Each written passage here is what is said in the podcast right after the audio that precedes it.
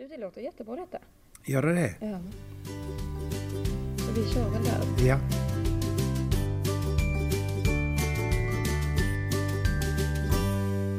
Ja, då var det dags. Premiär av Malmö FFs nya podcast Då sjunger hjärtat. Och vi säger väl varmt välkommen Björn Ranelid till premiäravsnittet. Du kommer under juli månad vara ambassadör för Malmö FF och för klubbens barn och ungdomar där Malmö FF arbetar för att alla barn ska ha rätt till stora drömmar. Vi kan väl börja med en kort presentation. Vem är du Björn? Jag är den offentliga eh, personen. Så jag är författare, talare, krönikör, vigselförrättare. Eh, men eh, om vi bortser en kort stund från det formella och den eh, offentliga aspekten av mitt liv så är jag född i Malmö. Uppvuxen här, född den 21 maj 1949. Jag bodde här fram tills eh, 1977, 78. Men har kvar anknytningen ständigt. Det är här jag har fått mitt språk, mitt idiom. Här föddes mina hjärtslag så att säga. Och eh, min dotter och jag har tillsammans med min hustru ett café på Kärleksgatan 3 som heter Agge och Bönan. Så det är en av anknytningarna som fortfarande gäller i förhållande till Malmö. Sen har jag naturligtvis en kärlek som är obruten, som är outspädd. Hör att jag säger outspädd? Den är koncentrerad och den är dessutom eh, inte eh, till salu för pengar eller ära och berömmelse. Utan den kärleken finns till som en slags eh, respekt för den plats där jag föddes och respekt för mina föräldrar. Och allt vad staden har givit mig i form av skolor, utbildning, kärlek, barn, eh, glädje och lust i förhållande till fotbollen. Jag såg första matchen 1954. Då var jag fem år. Det finns en bild på detta i tidningen Arbetet som min mamma hade länge den bilden. Nu fick jag den än en gång av en av mina barndomskamrater som heter Kenneth Larsson. Därför att då är jag inringad och han hade då eh, skickat den i facsimil som en kopia. Så där finns ett rent objektivt eh, bevis på min första eh, vistelse på Malmö idrottsplats. Det heter nämligen Malmö idrottsplats. Precis som det heter Malmö fotbollförening utan S i fogen. Vilket Erik Persson bestämde. Bara går jag skriver detta så får jag en rättelse av de som är okunniga för de lägger till ett S. Det heter Malmö fotbollsförening men det heter Helsingborgs idrottsförening där jag också har spelat och Trelleborgs fotbollsförening där jag också har spelat. Och Höganäs bollklubb där jag också har spelat. Så att det är viktigt det där med ordet och det är därför jag också säger att fotbollsspelare i gemen idag måste tänka på, utöver sina eh, insatser på fotbollsplanen, hur de beter sig mot sin medmänniska, sina medmänniskor rent etiskt och moraliskt. Att de ska vara föredömen. Eh, och detta gäller oavkortat. Så om du skriker och gormar på planen så kommer du inte undan ditt ord. Idag har du läppläsare. 100% alla fotbollsspelare på höga nivå håller handen för munnen för att man inte ska kunna i efterhand belägga dem och beslå dem med att de har sagt ett okvädningsord. Du kan bli avstängd på livstid för att du använder ett fult ord på läktaren. Eh, så allt det här hänger samman med den samhälleliga och den sociala aspekten på vad det är att vara människa och fotbollsspelare idag. Minns du din första match som du pratade om där 54? Ja, ja, ja, klart jag gör. Det, det är en sådan match som jag kommer... Det, det var dessutom så att jag tror att Pavis Öberg gjorde målet och han gjorde nog 1-0. Sen minns jag ju när jag låg, för det är många som säger att de har legat bakom målet. Men jag har legat bakom målet, det var ett rep. Och det var eh, bakom västra eh, målet. Och det är lätt för mig att hålla reda på väderstrecket för då är Johanneskyrkan åt öster. Och jag bodde åt öster också. Jag gifte mig dessutom första gången i Johanneskyrkan. Och, och när jag tänker på Malmö idrottsplats så tänker jag på eh, repen där, Tore Svensson, Charles Gustafsson. Jag håller reda på successionen med spelarna också, vilka som kom efter vem på olika platser. Jag vet att eh, Charles Gustafsson eh, efterträddes av Bengt Fröjd som gjorde 100 matcher och 10 mål. Bara den kunskapen är jag relativt ensam om i Sverige. Vilken var din första kontakt med Malmö FF? Ja, det var när jag sprang från Salubsvägen 32F där vi bodde i 16 år till eh, träningarna på torsdagar och tisdagar. Då såg jag när Charles Gustafsson och Pavit Öberg, som förresten skrev en väldigt vacker, hade en väldigt vacker namnteckning för jag samlade på autografer. Och sedan Tore Svensson som kom från Falkenberg, han begrovs dessutom i Falkenberg. Gjorde fyra A-landskamper, var reserv 1958 i VM. Jobbade på Verdexa, blev chef sedermera där. Men han eh, gick någon slags mannekäng på på Fogstedts kappor på Stortorget. Det var därför han kallades för Mannekängen. Många trodde att han kallades för, och fick smeknamnet Mannekängen för att vara rädd för att kasta sig när det var blött, men det var han inte. Utan det var för att han hade gått eh, modell, eller mannekäng kan man kalla det för.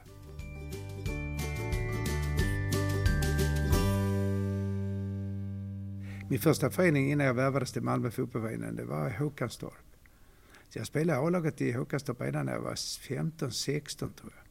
Sen kom jag till Malmö FF och gick direkt in i deras första juniorlag och var den enda faktiskt i juniorlaget ett. Vi hade två juniorlag, två reservlag som lyftes upp i A-truppen. Jag gjorde bara en A-lagsmatch mot Luleå, men jag är allsvensk reservlagsmästare 1969. Och jag är ju stolt över att vi kom till semifinal för juniorlag, förlorade på lottagning mot Elfsborg som sedermera vann. Hur viktig är en föreningshistoria för det som vi har nu? Den är oerhört viktig. Därför så gläds jag mycket med Malmö fotbollsförening därför att de ser till att hålla successionen. Så när jag ser när jag går på matcherna så ser jag eh, Roy Andersson som är pappa till Daniel och Patrik. Och jag ser också Christer Kristersson. Och jag såg Anders Svensson länge innan han dog som spelade i Malmö. Han spelade även i Örgryte faktiskt. Och i Holland där han fick sin utbildning. Så eh, jag ser den där successionen och det är med varmt hjärta jag kan följa de här spelarna upp i åldrarna. Roy Andersson och jag är födda 1949 båda två. Han var faktiskt elev på Rödsjöskolan ett år när jag var elev där också. Och Christer Kristensen bodde 97-98 meter från oss på Sallovsängen 32F. Han bodde på Älvstorpsgatan. Den hette nämligen inte Älvstorpsgatan nu, den hette Fredsgatan. Så Christer Kristersson såg jag brottas i Sparta. Så han var brottare från början och så började han spela fotboll i KIK. Och sen så värvades han till Malmö fotbollsförening. Och blev sedermera den som har gjort flest matcher i Malmö fotbollsförening. Roy Andersson nummer två. Går det att sätta ord på, på din kärlek till vår förening? Ja, låt mig säga att en gång till då. Jag brukar inte upprepa mig, men låt mig säga att den är outspädd. Och den är inte korrelerad och förenlig med ära och berömmelse och pengar. Utan när jag blev ombedd att komma hit så alltså gör jag detta utan eh, någon ersättning och eh, inte ens några bensinkostnader tänker jag åberopa. Utan detta gör jag med mina hjärtslag och min obrutna kärlek till staden och till fotbollsföreningen. Jag, jag mår ju väldigt dåligt när Malmö förlorar. Min fru ser ju på mig direkt. Hon hör på mig också när Malmö förlorar. Så det där med 2-2, jag orkar inte se, för jag har ju Dplay. Jag orkar inte se, jag kan se det både på mobilen och på min TV. Jag orkar inte se när det stod 2-1 till, eh, till eh, Varberg. Då stängde jag av, då bytte jag gick och, eh, då började jag titta på Hammarby och AIK istället. Men sen när jag tittade på min mobil och såg att det stod 2-2, då vågade jag titta igen. Så, så stark är min kärlek och min ängslan för Malmö på, i matcherna att jag ibland inte orkar se det om de ligger under. Har det här alltid varit så eller har det någonstans förändrats genom tiden? Nej, jag tror att jag har varit lika besjälad alltid. Jag kan dessutom säga till det hände ju att jag grät under matcherna. Alltså när jag stod på läktaren. Och jag vet att jag grät en gång på Malmö stadion när Malmö förlorade en match. Och jag orkar inte se det. Alltså det var outhärdligt. Så jag har alltid haft den starka passionen och känslan för Malmö. Så det är en riktig sorg jag känner. Så det är inte så att jag står och visar upp det för att det ska bli någon slags rubriker i media utan det är ett, ett äkta engagemang. Var du lika mån om att vinna som spelare? Nu ska jag säga något som jag aldrig sagt offentligt tidigare. Jag hade väldigt dåligt självförtroende som fotbollsspelare. Hade jag haft bättre självförtroende hade jag nog gått längre. Men eh, jag, tyvärr drabbades jag av skada i axeln så jag hade fyra luxationer och blev opererad. Jag skulle faktiskt ha spelat den matchen så Tommy Andersson fick göra sin debut. Så att, eh, och jag skulle faktiskt ha fått debutera redan som junior, för det såg jag i tidningarna sedan. Men min dåvarande eh, lagledare Kjell Gertsson menade att jag kunde vänta. Så jag har ingenting att, att göra mig ledsen över min fotbollskarriär, utan det är bara en glädje. Sen är det lite skoj att jag vet om att jag objektivt sett är den enda som har fått Augustpriset att spela i Malmö fotbollsförening. Så det kan ingen ta ifrån mig. Ingen kommer göra om det heller. Jag läste någonstans att du upplever dig själv som väldigt barnslig när det kommer till fotboll. Jag är genuint barnslig. Och det skäms jag inte ett dugg för. Jag minns jag såg en match med Sverige-Ungern. Jag, jag hade invigt Celtic Bar i Tomelilla, en mycket liten bar. Och det är lite roligt eftersom jag inte dricker öl, inte vin och inte sprit. Men jag invigde baren och den är väl inte mer än 12 kvadratmeter, inte ens det. Men när Zlatan gjorde ett mål, då sprang jag ut och snurrade kring en lyktstolpe in till Celtic Bar. Jag tror de står och darrar fortfarande den lyktstolpen. Och det var flera stycken som jag hörde säga högt, kan Björn bli så exalterad när han tittar på fotboll? Men det kan jag bli. Och den barnsligheten tänker jag behålla intakt. Jag har ju sagt att det sista brevet som skrivs till en gammal människa har barnet inne med henne som avsändare. Det får du bara höra en gång i din eh, podd, det kan jag lova Och du är ju ambassadör för barn och ungdomar i ja, föreningen. Ja. Vad hade du sagt till den lilla Björn idag? Till den lilla Björn har jag sagt, eh, sköt dig i skolan, var flitig, var respektfull mot dina syskon och dina föräldrar och dina medmänniskor. Jag följde mamma och pappa till Elinförsamlingen som låg på Kalendergatan. Så vi gick igenom Lejonetpassagen, det heter Lejonetpassagen, in till Sveriges näst vackraste apotek, nämligen apoteket Lejonet. Så eh, jag svor, jag har aldrig svurit hela mitt liv. Det är många som säger, har han aldrig svurit? Men jag har faktiskt kommit på mig själv. Och det är många som har sagt till mig, de har aldrig hört mig svära. Så Jag svär ju inte. Och det är inte så att jag har satt upp en, en regel för mig själv som är etisk eller moralisk. Men på tal om detta med att uppföra sig väl så gäller det för fotbollsspelare också, på planen. Du kan åka ut, du kan bli utvisad om du säger fula ord. Du kan bli avstängd resten av livet som eh, supporter om du skriker något fult. Och det är därför man idag håller på, med life, eh, Black Lives Matter. Att du, du måste se till att ta ett ansvar socialt. Och då handlar det inte om om du är fotbollsspelare, ledare för ett lag eller du är supporter. Det handlar om hur du, hur du är som människa och medmänniska. Och framförallt barnen är ju viktigare nu än någonsin. Att man ger dem hopp, att man ger dem en förebild och flera förebilder och att man satsar på dem i skolan och att de ser till att få en god kamratskap, eh, gott kamratskap när de är under utveckling som spelare. Och då är det inte frågan om vem som är bäst och hur man ser ut eller hur man är klädd eller man eh, eh, bor i Rinkeby, Tensta eller Rosengård. Utan alla ska veta att de har sin plats. Sen spelar det inte minsta lilla roll vilken hudfärg du har eller, eller om du bryter lite på ett annat språk. Det är, det är lika, för mig har detta alltid varit fullkomligt självklart. Jag har uppfostrat mina barn till att de ska vara goda medmänniskor och eh, all form av rasism är alltså för mig förkastlig men den är dessutom obegåvad. Den är obegåvad rent, eh, rent genetiskt och etnografiskt. Jag, jag, jag anser att en fotbollsklubb har ett enormt stort ansvar för barn och ungdomar. Du har ju varit väldigt öppen med dina egna erfarenheter av mobbing som, som barn. Ja, ja. Kunde fotbollen någonstans bli en tillflyktsort? Ja, på ett sätt var det det. Jag blev ju retad för att jag hade en läpp som började växa. Jag blev opererad tre gånger. Tredje gången var jag 27 år. Min andra fru höll mig faktiskt i handen när eh, Karl-Erik Hugeman, professorn, opererade mig. Men jag blev aldrig retad på fotbollsplanen. Inte av en enda spelare med fotboll. Däremot blev jag retad av många på gården där jag bodde och även på skolan där jag gick. Men det gjorde att jag blev stark. Jag var ju duktig i fotboll och duktig i skolan och hade en viss framgång hos flickorna så det spelade inte så stor roll egentligen om man tänker efter. Men för mig var det ett enormt lidande. Jag hade dessutom ett ljud i mitt huvud efter en allvarlig skallskada som jag fortfarande har i huvudet. Så att allt det där har ju präglat mig som person. Och det är därför tror jag också att jag har sån respekt för andra människor. Att jag blir väldigt arg när någon mobbas på grund av utseende, hudfärg, eller var, varifrån de kommer. Så för mig är detta heligt. Det är, en, det är en princip som jag tänker hålla tills min sista andetag. Lärde du dig någonting av fotbollen?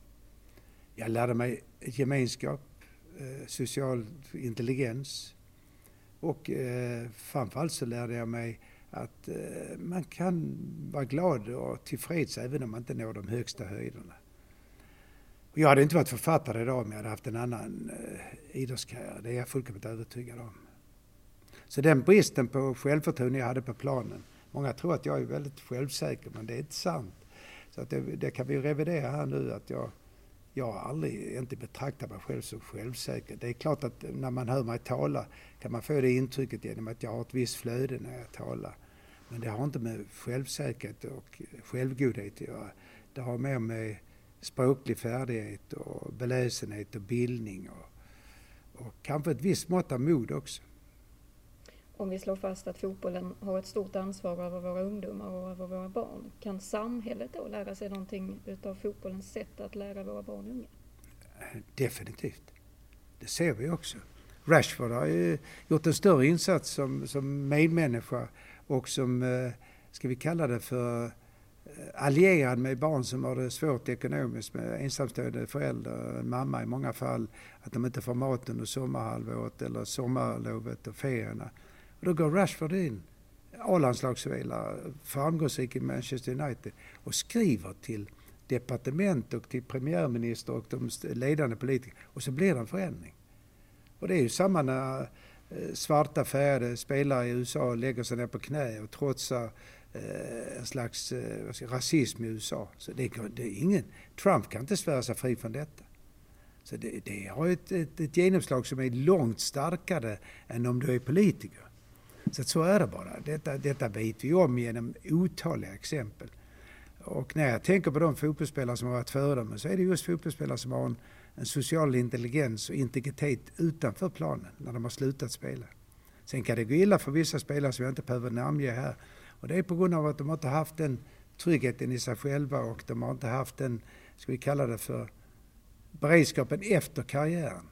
Många av de här fotbollsspelarna, jag vill inte nämna en enda vid namn, de har gått under av alkoholism och mycket annat. Och då är det viktigt att klubben behåller någon slags respekt för successionen. Håller reda på de spelare som är 50, 60, 70 som har gjort någonting för klubben. Följer upp dem, hjälper dem i händelse av att de kommer i sociala problem. Det kom ju en, en studie i förra veckan där Malmö stads grundskoleförvaltning presenterade vilka skolor i Malmö som hade bästa resultat och högst meritvärde. Etta, tvåa, trea på listan ingick ju MFFs fotbollsakademi. Ja. Vad tänker du till? Det gläder mig oerhört och dessutom har jag länge sagt och jag har länge hävdat och jag tänker det ständigt att om du är framgångsrik i fotboll och i idrott, vilken idrott som helst, då är du väldigt disciplinerad. Och når du högt och är framgångsrik i simning, ett av mina barnbarn simmar nu, Malmö kappsimsällskap. Eh, Ryder Jackson, hennes storebror spelar ishockey MIF. De är 12 respektive 8 år gamla. Så att eh, då är det så att om du är disciplinerad och inte rumlar runt med narkotika och sprit, då, då har du nytta av det när du sitter i skolan. Du är disciplinerad då. Och sen är det också så att det är viktigt att klubben ser till så att nu ska du sköta dig i skolan, du ska göra dina läxor. Sen kommer det andra. För det primära är egentligen inte att du spelar fotboll. Primära är att du har en förutsättning för att kunna spela fotboll. Att du kan springa, skratta, le och utsätta dig för vissa fysiska påfrestningar på grund av att du sköter dig. Når du inte en god syreupptagningsförmåga så kan du inte nå långt i fotboll heller. Du måste se till att sköta dig. Du kan inte röka. Du kan inte röka då. Cruyff dog av lungcancer. Preben Elka rökte lång tid i karriären. Vi har en annan i Malmö FF som jag inte behöver namnge som rökte under hela karriären. Och du vet vem jag menar.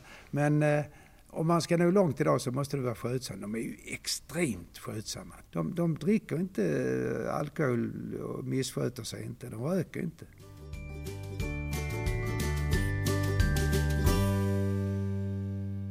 Alla barn har rätt till stora drömmar. Ja. Vilka drömmar hade du som liten? Jag hade faktiskt inte några vidare drömmar. Det måste man fråga mig. Många journalister genom året frågar, har du inga drömmar?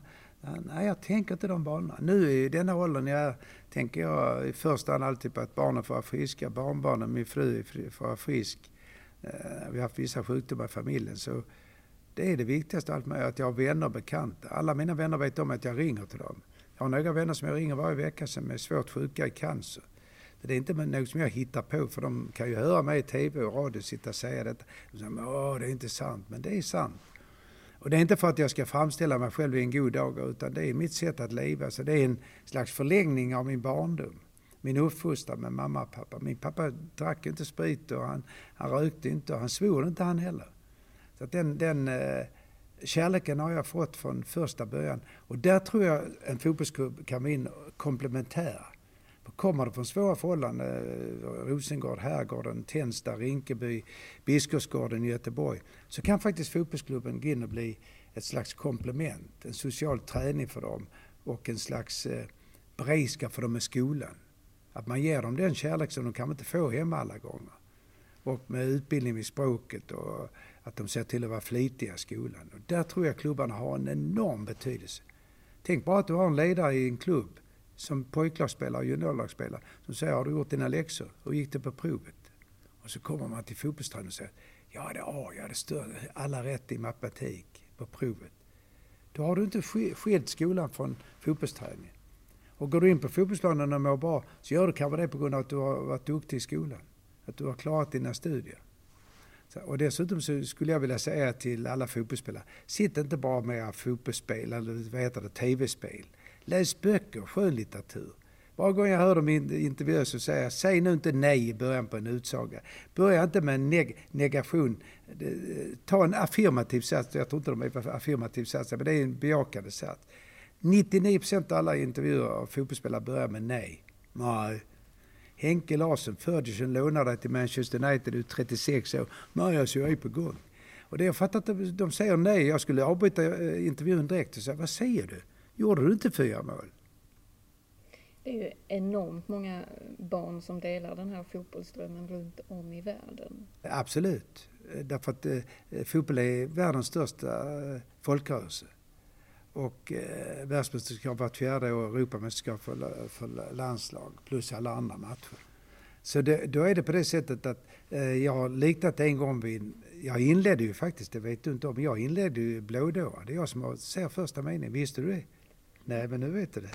Det är jag som ser första meningen, att Gud droppade blått i mina ögon.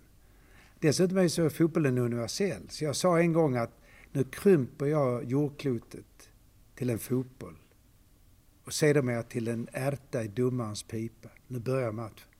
Då får du en metafor som är litterär. Den får du inte höra från fotbollsspelare.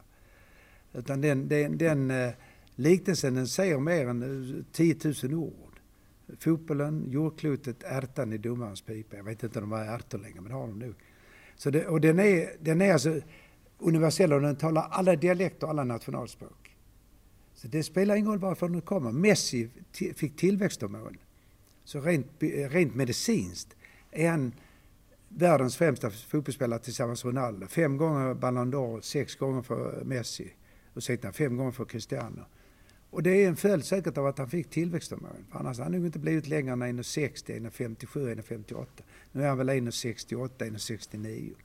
Så att, eh, och det visar ju också att sådana spelare som Maradona och Messi, de är inte över 1,70 men de blir ändå världens bästa spelare. Så det är så underbart för det, då har du både en slags eh, allmängiltighet i, i fysionomin, anatomin. Och sen har du dessutom en världens största folkrörelse. Det spelar ingen roll vilken dialekt eller vilket nationalspråk du talar. Eh, utan du, eller modersmål. Utan du är så att säga ständigt i denna eh, världsarena som dessutom är sedd ibland utav 1,5 miljarder människor vilken kraft har lagidrotten då i, i ett svenskt samhälle? Till och med om vi preciserar det så pass som i, i Malmö stad. Definitivt. Jag vill bara tänka på vad, när Malmö har vunnit och när vi kan vinna ligga på 450 miljoner kronor. Nu kommer det bli åderlåtet en del med tanke på corona, covid-19. Men icke desto mindre så är det klart att det präglar Malmö stad i betydelsen mentaliteten. Glädjen att kunna gå till Lilla Torg, gå och skrika och gorma ute på gatorna. Men inte bara gorma utan skrika och glädje. Så att eh, det blir som ringar på vattnet. Och det, det är som man sätter någon slags, eh, eh, vad ska vi kalla det för, vaccinspruta i armen på dig. Och så får du lite vitaminer. Du får D-vitamin av solen när det är extra varmt och fint här på Malmö, blå himmel. Och så sjunger man sången innan eh, Malmö går in på planen. Då har du en gemenskap i sången också. Och alla som har hört ju Never Walk Alone med Liverpool vet ju om att de sjunger ju, det är världens största kör Den är ju helt sanslös. Dessutom besjungen på av Gary and the Pacemaker och flera andra eh, sångare och musikgrupper. Så att jag ser ju inte musiken skild från idrotten heller. Du har ju nationalsång eh, inför landskamper. Och sen har du kampsånger och klubblagssånger. Så det, är så, det är så roligt att säga att det här är en slags eh, stor symfoniorkester. Ibland är det ett litet barn som spelar eh, piccoloflöjt. Och så spelar han kanske första fiolen också. Men du har, du har alltså bastuba, då, du har violinisterna och du har eh, blåsorkestern. Så det är världens största folkrörelse men det är också världens största orkestrering utav människor. Anhängare, sympatisörer, eh, klubbledning, klubbdirektörer och lä läkare, fysioterapeuter, massörer. Allt det där är ju med i klubbarna nu på den här höga nivån. Så det är ju, det är ju en enormt stor organisation. Tänker vi på de största klubbarna så är det ju så att, nästan ett slags samhälle i miniatyr. Det engagemanget som finns där inne och runt om oss under Malmö FFs matchdagar och annars också för den delen, vad gör det med oss? Det gör att vi har förväntningar som sedan kan visa sig att vi blir ledsna. Men alltså, även i längtan och i att vi känner sorg och att vi blir ledsna. Jag ser inte det som negativt heller. Jag har fått frågor, jag kommer få det imorgon av Expressen och Aftonbladet. Jag har fått det i, i en podd med, med Staffan Dopping i Kvartal. Jag ser, vi, vi sitter på en global skolbänk. Det är världens största skolbänk nu. Och sedan i sinom tid ska vi ta examen i tålamod. Respekt för äldre människor, underliggande sjukdomar, respekt för kroppen, andningen. Som jag sa där nere, ett fjät från syrgastub till respirator. Unga människor kan dö som Adam Alsing, eh, Tom Hanks blir smittad, hans fru blir smittad, Boris Johnson blir smittad och ändrar sin inställning till väldigt mycket just genom detta. Ta in två av namnen för de som får rädda livet på dem i sitt barns eh, namn, i dopnamnet. Så att för mig är detta en slags eh, eh, ny världsordning ekonomiskt, en, en ny mental inställning till resor, till hur vi förhåller oss till morföräldrar, farföräldrar, kanske syskon, bekanta. Att vi, vi inte bara ser det som något negativt. Vi kanske gick för långt i många fall. Vi tog för mycket för givet. Kunna resa långt bort. Eh, göra vad vi vill eh, varje dag. Det kan vi inte nu. Då måste vi stillna. Och när man stillnar så kan man reflektera. Att tänka över sitt liv. Och ha respekten för det du har fått som en gåva från första början. Som är det primära i livet. Det primära är att du har en hjärna som väger ungefär 1300 gram. Som gör att du och jag kan tala nu. Sen har du hjärta som pumpar syrerikt blod upp till hjärnan. Sen har du nervsystem. Så kan du gå och springa och, och, och göra eh, mycket annat med din kropp. Och det, det, är så jag ser på livet. Livet för mig är en gåva primärt. Det andra är sekundärt om du blir berömd och känd och tjänar massa pengar eller, eller blir eh, folklig eller vad du blir. Så vi talar för mycket om det sekundära. Så i skolorna då skulle vi gå in på i undervisning på det primära. När jag undervisade i alla dessa år i filosofi, svenska, matematik och religionskunskap också. Så eh, försökte jag lägga tyngdpunkten i min undervisning till Ann Lundberg eller Per Sindre Larsen som jag hade som elever. På det primära. Vad är det att vara människa idag? Vad är det att kunna spela fotboll? Vad är längtan när du eh, blivit skadad? Att få komma tillbaka till matchplanen. Vad får vissa spelare att kämpa sig tillbaka? Du har Nyholm nu som är värvad, som fick en svår benskada men kom tillbaka. Jag trodde det var slut med hans karriär. Du har vissa spelare som man har tänkt, det är inte möjligt. Mollins två allvarliga skador, korsband var det väl. Och så kämpar de sig tillbaka. Och du kan bara kämpa dig tillbaka om du sköter dig fysiskt. Med kosten och din disciplin och din målmedvetenhet. Då kan du inte ge efter för en massa frestelser med mat och sprit och cigaretter eller vad det är. Så där har klubbarna en enormt stor betydelse. Och att kunna ge kraften till spelarna som är skadade. Följa upp dem, uppmuntra dem, peppa dem. Tas det tillräckligt stort ansvar från klubbarna? Ja, i många avseenden gör det faktiskt det. Av de fall jag känner till, jag känner till många fall, där har klubbarna verkligen stöttat och ställt upp. Det, det vågar jag nog påstå. Och det är många spelare som ger tillbaka i form av sin kärlek till klubben. Du behöver bara tänka på sådana relationer som gäller mellan Marcus Rosenberg och Malmö FF fotbollsförening och Bo Larsson, Christer Kiese, Roy Andersson, Daniel, Patrik. Den där successionen som finns där. Men då har det ju andra klubbar också när de blir ledare efteråt. Och vi får se vad som gäller för Marcus när han får lite distans till det. Vad gör dig stolt över Malmö FF? Att det är en klubb som har ett, en bra eh, värdegemenskap. Som tar ett ansvar för ungdomar och barn. Som eh, ett förhållningssätt till fotbollen för kvinnorna också, flickorna. Som eh, har 17 akademier. Som har en akademi på Norra Portskolan där min fru var skolsköterska i Ystad. Har även i, i på eh, eh i Hässleholm där jag har varit och hållit föreläsningar flera gånger. Och det här är väldigt viktigt att man, att man ser till att underhålla detta också så det inte bara blir en fluga för ett år eller två år. Utan nu är detta akademier. Det gäller för de stora föreningarna eh, ute i, i Europa och världen. De har akademier. Och det är därför spelare som Messi med flera kommer fram. De har varit i akademierna först. Nu hoppas jag vid Gud att Malmö får fram och kan vidmakthålla de här Vagic och Annel med flera så att de kommer in i A-laget nu. Vi får se hur det går för Tim också, att de unga spelarna kommer in och kan behålla sina platser och utvecklas.